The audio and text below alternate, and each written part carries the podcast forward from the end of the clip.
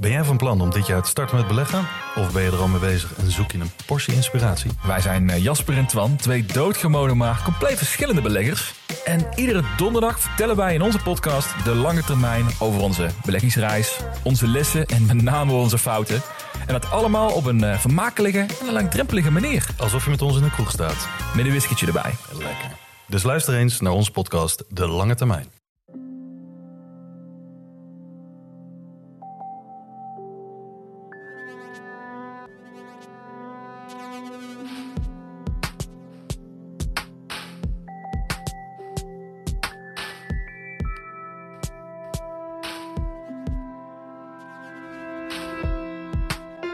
Hey, ik ben Pieter van Relaas. In Relaas hoor je waar gebeurde verhalen en die worden verteld door de mensen die ze zelf hebben meegemaakt.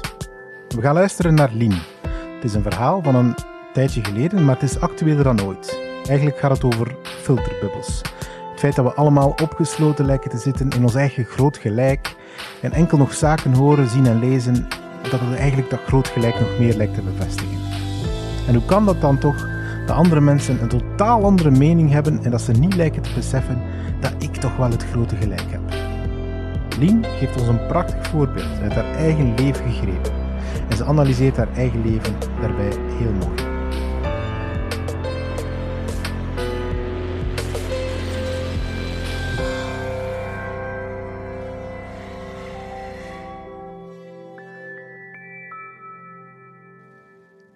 Stiefvader is al zo'n tien jaar in mijn leven. En mijn stiefvader, dat is een Amerikaan. Een republikeinse Amerikaan. Dus bij gevolg op dit moment een Trump-supporter.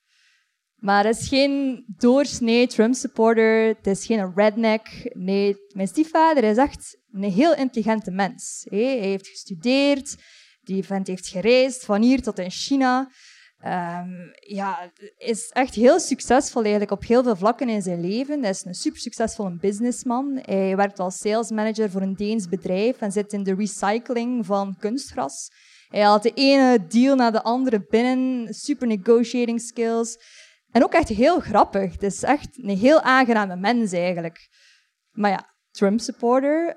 Um, en hij ziet alles heel zwart-wit. Mijn stiefvader is zo iemand die kan zeggen ja, stik ze allemaal op een boot, terug naar het land en probleem opgelost. Dus als wij thuis naar het nieuws kijken en het gaat bijvoorbeeld over migratie of laat staan transgenders of zo, dan hou ik al mijn hart vast, want dan weet ik, here we go. En ik heb het daar moeilijk mee. dat is nu al tien jaar en ik heb het moeilijk met die gedachte dat alles zo zwart-wit is. dat alles zo gemakkelijk kan opgelost zijn. En voor zij die mij kennen, uh, weten dan ook dat ik al heel veel discussies heb gehad met mijn stiefvader. Ik ga er altijd tegenin. En vroeger, uh, in het middelbaar, kwam het zelfs zo ver dat ik soms begon te wenen, omdat ik het gewoon niet meer aankon, dat ik gewoon niet zat van hoe kan dat nu dat hij met al uw verstand, dat hij zo'n uitspraken doet, hoe kan dat? En zelfs zo erg dat ik zei tegen mijn mama, ik hoe is het mogelijk dat hij samen bent met zo iemand? En mijn mama, mijn mama reageert dan van, kijk, uh, dat is een deel van hem, ik negeer dat, we gaan daar niet mee verder. Eh, ja. En door mijn stiefvader zijn internationale carrière heeft hij ook heel veel internationale vrienden. Dus hij heeft een Joods-Israëlische vriend, Doran. En Doran en zijn gezin komen heel vaak een keer naar België. Soms komt hij alleen, soms komen ze samen. En Doran is echt een heel wijze man. Dat is echt zo'n oude, wijze man die zo'n keer een levenswijsheid smijt, zoals hij vertelt. En ik heb daar altijd heel veel gesprekken mee. En ik was altijd super excited als hij kwam, want ik wist, ah, we gaan weer kunnen babbelen. Um, en sinds mijn vijftiende discussieer ik ook altijd met hem over het Israëlisch-Palestijns conflict. Uh, ja, ik had al wat dingen gelezen of wat dingen gehoord. En ik was echt vol op de Palestijnen aan het verdedigen tegen hem. En hij was eigenlijk iets volledig anders aan het zeggen dan wat ik gehoord of gelezen had. Dus ik had zoiets van, maar hij zei fout, dat, klopt niet wat dat gezegd. En ik had weer zoiets van, allee, hij, zo slim. Hoe kan het dat hij zo spreekt over de Palestijnen? En hij zei, Lien, je moet een keer afkomen naar Israël. Hey, uitnodiging blijft helder, kom een keer af. Dus zes jaar later, ik was toen 21 jaar, en ik zat in mijn eerste master, eh, ik heb bestuurskunde gestudeerd, en ik heb mijn ticketje gekocht naar Israël. Ik dacht, kijk, uh, mijn vriendinnen gingen gaan skiën uh, op citytrip. En ik zei, gasten, sorry, ik ga even naar Israël. Uh, tien dagen. En ik kom toe en Doran komt mij halen van de luchthaven. En in de auto beginnen we weer al te discussiëren. En het gaat over de Nakba. de Nakba is eigenlijk waar 750.000 Palestijnen uit hun huis gejaagd zijn en zij moeten vluchten voor de Israëlische milities en nog steeds op de vlucht zijn, een groot deel daarvan. En hij minimaliseerde dat. En het ging even goed over het Palestijns geweld. En het eindigde al snel met, oh, de Palestinians are stupid. En ik verschoot weer, want ik had zoiets van, Doran, dat kan je toch gewoon helemaal niet zeggen? Dat, dat zeg je toch niet over mensen? Nu, oké. Okay, um, ehm, zijn familie woont een beetje verspreid over Israël. Hij heeft een dochter in Tel Aviv en een zoon in Jeruzalem. Dus ik kon overal een beetje blijven slapen. En met elk van die, uh, elk van, ja, die gezinsleden had ik het over uh, het Israëlisch-Palestijns conflict. En ik hoorde telkens iets anders dan wat ik wist. Dus ik hoorde, ja, maar ja, als wij moeten bombarderen, dan zeggen wij dat, zodat ze kunnen evacueren. Um, de Palestijnse, Palestijnen die gewond zijn, halen wij van over de grens om te gaan verzorgen. En zaken als wij kunnen maar de wapens neerleggen als zij de wapens neerleggen. Dus echt iets volledig anders. En uh, oké, ja. Ik ben in Tel Aviv. Ik amuseer me enorm. Ik eet belachelijk veel hummus. Uh, ik ga een beetje gaan dobberen in de Dode Zee. Super tof. En dan mijn laatste stop is uh, Jeruzalem. Dus bij zijn zoon Bar. En uh, Jeruzalem is het kloppend hart van Israël, de slagader, de holy city, voor de drie monotheïstische religies eigenlijk, dus de islam, uh, het christendom en het jodendom. En dan vooral de Tempelberg is heel belangrijk in Jeruzalem, want daar heb je de heilige plaatsen voor die drie religies. En ik wil dat dus met Bar gaan bezoeken. Dus ja, we doen de Verrijzeniskerk, uh, we doen de Klaagmuur. De klaagmuur trouwens heeft zo een deel voor mannen en vrouwen. En het deel voor vrouwen is opvallend veel kleiner dan voor de mannen. Dus mijn feministisch hart was enorm aan het bloeden. Ehm, en overal moet je door um, ja, metaaldetectoren. Je wordt gefouilleerd. En voor de Al-Aqsa is er een extra uh, controle. Dus wij komen aan de Al-Aqsa, schuiven aan. En ze vragen ons paspoort en ze vragen in wat dat we geloven. En ik denk, wat doet dat er nu toe? Dus ja, ik zeg, ja, ben atheist. En voilà, ik mag doorlopen. En Bar zegt, ja, ik ben Joods. En ze stoppen hem. En ze halen hem eruit. En ze zeggen, ja, wat is de bedoeling? Wat ga jij doen boven? En ik zie dat gebeuren en ik ga daar naartoe en ik zeg, no, no, no, but he's my friend. He's here. He's, he's guiding me. It's okay. En, en Bar knikt van, ja, dat is waar. En ja, ze wachten even. Ze zeggen, oké, oké mocht doorgaan. En ze zeggen nog van geen uh, religieuze tekenen doen, je handen niet in de lucht, niet vouwen. Er is overal bewaking, niks. Oké. En ik was zo verschoten daarvan. En ik, ik zei hem, ik zei, I, I didn't know they gonna, they were going to treat you so much differently. But why? En ik voelde ook dat hij daarboven eigenlijk helemaal niet op zijn gemak was. En al zeker niet toen ik zei, ja, ik zou eigenlijk graag een keer binnen gaan in de Al-Aqsa-moskee. En zegt Eline, ze gaan je niet binnenlaten, want je bent geen moslim, dus je moogt niet. Ik zeg, maar jawel. Ik zeg, Morgan Freeman mocht ook binnen voor zijn Netflix-documentaire. En dat is een christen. Dus ik ga naar die bewakers. Ik zeg, hello, uh, would it be possible for me to take a look inside? Ja, nee, want ik was dus geen moslim en dat mocht niet. Dus hij had gelijk. Um, we blijven daar niet lang, want ik merk dat hij daar niet, ja, dat hij daar niet heel lang wil blijven. Hè. En ja, het komt mij duidelijk dat er daar toch een enorme spanning heerste tussen die twee volkeren, die twee geloven toch. Het is blijkbaar dus niet normaal dat Joden de islamitische site gaan bezoeken, al is het maar voor een foto. Okay. Ik heb uh, nog enkele dagen in Israël en ik denk, goh, eigenlijk is mijn reis niet compleet als ik niet een keer naar Palestina ben geweest. Dus ik vraag een Bar, ik zeg, Bar, heb je geen zin om nog een keer mee te gaan naar Palestina? En hij zegt, nee, ik kan dat niet. Ik zei, hoe kunt niet? Waarom niet? Zegt hij, het is dan niet veilig voor mij. ik, ik moet letterlijk vrezen voor mijn leven daar. En hij legt mij uit dat er plaatsen zijn in Palestina waar Joden zelf gewoon verboden zijn. Er zijn zones waar er echt verbodsborden staan voor Joden. Zij mogen gewoon niet binnen. En, en plots kwam de ernst van de zaak mij enorm duidelijk. Dus hij was eigenlijk wel heel nieuwsgierig naar hoe dat daar was, maar hij kon gewoon niet, omdat hij moest vrezen voor zijn leven daar. Nu, is die angst gerechtvaardigd? Ik weet het niet, maar voor hem was dat de waarheid en dat was zijn realiteit. Dus uh, die avond uh, stap ik op een bus in Jeruzalem, dus richting Ramallah, de hoofdstad van Palestina, alleen, uh, want hij kon niet mee. Dus ik laat hem daarachter op perron en ik zie dat hij bang is voor mij. Ik zei, hey, je moet je geen zorgen maken. Nee, alles is geregeld. Ik heb een hostel geregeld. Uh, ik stuur je wel als ik daar ben. Dus oké, die bus vertrekt. Het duurt zo enkele uren tegen dat we daar in Palestina zijn. En hij stopt aan het Kalandia checkpoint. En het Kalandia checkpoint is eigenlijk het grootste checkpoint tussen Jeruzalem, misschien zelfs Israël en Palestina. En het is al pikken donker. En dus we stappen van die bus en ik zie iedereen ja, naar een auto stappen of ze stappen weg. Ik realiseer mij dat, dat ik nog twintig minuten alleen moest stappen naar mijn hostel en het is pikken donker. Dus ik denk, oh my god, help mij. En ik zie nog een, vader en zijn dochter uh, wegstappen en ik denk, oké, misschien is dat wel safe. Dus ik loop naar die vader en ik zeg, hey, hallo, um, is het mogelijk dat ik misschien mee kan? Uh, mijn hostel is niet zo ver van. Geen enkel probleem. Oké, phew. Dus ik kon mee met die man en in de auto begint hij ook zijn verhaal te doen. Ik weet niet meer precies of ik daarom gevraagd had, maar hij begon alles in zijn verhaal te doen. En hij vertelde hoe de bezetting eigenlijk impact had op zijn leven. En een van die dingen was dat zijn vrouw in Jeruzalem werkte en eigenlijk dagelijks door die Kalandia checkpoint moet passeren. Maar dat, is, dat kan uren duren en dat is eigenlijk de realiteit voor heel veel Palestijnen. Oké, dus ik kom toe in dat hostel en het eerste dat mij opvalt is, overal op die deuren, de badkamerdeuren, staat er, wees zuinig met het water, want dat is beperkt. En ik dacht, ik heb dat op geen enkele deur in Israël zien staan, oké. En het is dan nog volop sfeer en ik raak aan de praat met twee van die gasten, uh, een Algerijn, een fotograaf, Adlan, en uh, een Palestijnse leraar Engels, Bashar. Superwijze gasten. En Bashar begint mij zijn kant van het verhaal te doen.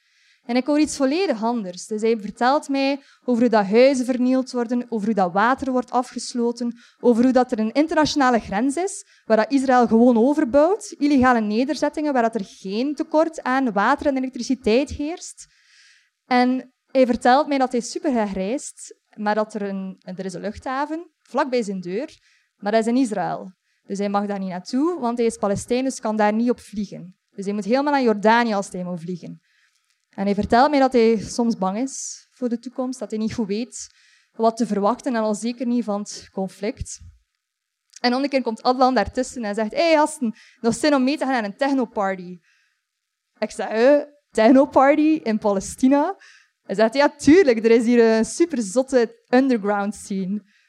Oké, ja, dus ik nog mee naar die technoparty. Wij drie op een brommen naar die technoparty. Super tof. En inderdaad, iedereen is aan het dansen en drinkt en is super sociaal. En ik denk, ja, Bar ging dat waarschijnlijk ook wel leuk gevonden hebben. Dus ja, het ding is, met dat wat Bashar mij vertelde, hoorde ik weer een hele andere kant van Israël. Ik zat zo in mijn pro-Israël-vibe en dan hoorde ik daar weer iets helemaal anders. En door in Palestina te zijn, hoorde ik ook een heel ander verhaal van Palestina. Helemaal niet wat ik verwacht had.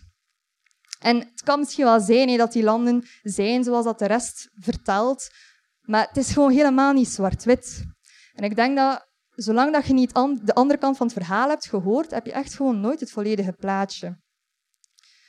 Dus ik ben teruggekomen van die reis en ik zat dus in mijn masterjaar, mijn thesisjaar. En ik denk, ik moet hier een thesis over schrijven. Ik ging hem normaal gezien doen over populisme in Europa. Hup, geskipt. Ik dacht, nee, ik moet hier iets mee doen. Dus ik heb dan één iets gekozen dat ik daar had gehoord, uh, die vernielingen van die huizen, van die gebouwen. En ik dacht, hoe is het mogelijk dat dat kan? Dan ik kijken wat Europa daarin dit dat. Want in Israël had ik gehoord, ja, maar ja, tuurlijk smijten wij dat neer. Ze hebben geen vergunning. En dan in Palestina hoor ik, ja, maar we krijgen ook gewoon helemaal geen vergunning. Hey, misschien in 1%, hoeveel moeten dat we ook doen? Dus dat is weer twee volledig andere kanten dat ik toch wel heel graag wil belichten. En na die reis ben ik ook volledig anders beginnen discussiëren met mijn stiefvader. En een voorbeeld, een schoon voorbeeld daarvan is nu met recentelijk de Black Lives Matter uh, movement, of in zijn woorden, een complot van de democraten. ehm, ben ik ook, hebben we heel veel discussies. En hij stuurt mij filmpjes en artikels met dingen die volgens hem de waarheid zijn, maar die eigenlijk volledig haak staan op de dingen die ik als waarheid aanneem. En ik stuur hem ook. Ik doe hetzelfde, dus ik stuur hem ook filmpjes, artikels. En dan zegt hij soms, ja, Lien, je moet je oogkleppen afdoen. Hé? Je moet een wat breder kijken. Maar dan zeg ik, ja, maar hij ook, hé? Het is exact hetzelfde. En ding is, zo halen we elkaar eigenlijk uit onze echokamer. Hé? Hem daagt mijn waarheid constant uit en ik de zijne. En het ding is, we leren elkaar echt beter en beter begrijpen op die manier. Hé? Puur omdat we luisteren. Ik moet zeggen, het is nog veel we agree to disagree, maar we luisteren toch wel. Hé? We staan open voor mekaars meningen. Want nu bijvoorbeeld onlangs heeft hij samen met mij een Netflix-documentaire bekeken, twee uur lang, uh, 13th, en ik kon zich daar wel in vinden. En dat is toch iets dat ik echt enorm heb meegenomen daaruit. Ik probeer ook echt bij ieder situatie, bij ieder onderwerp, probeer ik ja, daar toch die twee kanten van in te zien. Hè. Probeer ik echt te luisteren. En ik denk dat als we allemaal echt gewoon openstaan en leren luisteren, ook al heeft er iemand een volledig andere mening dan ons, dat we echt al een heel eind ver komen.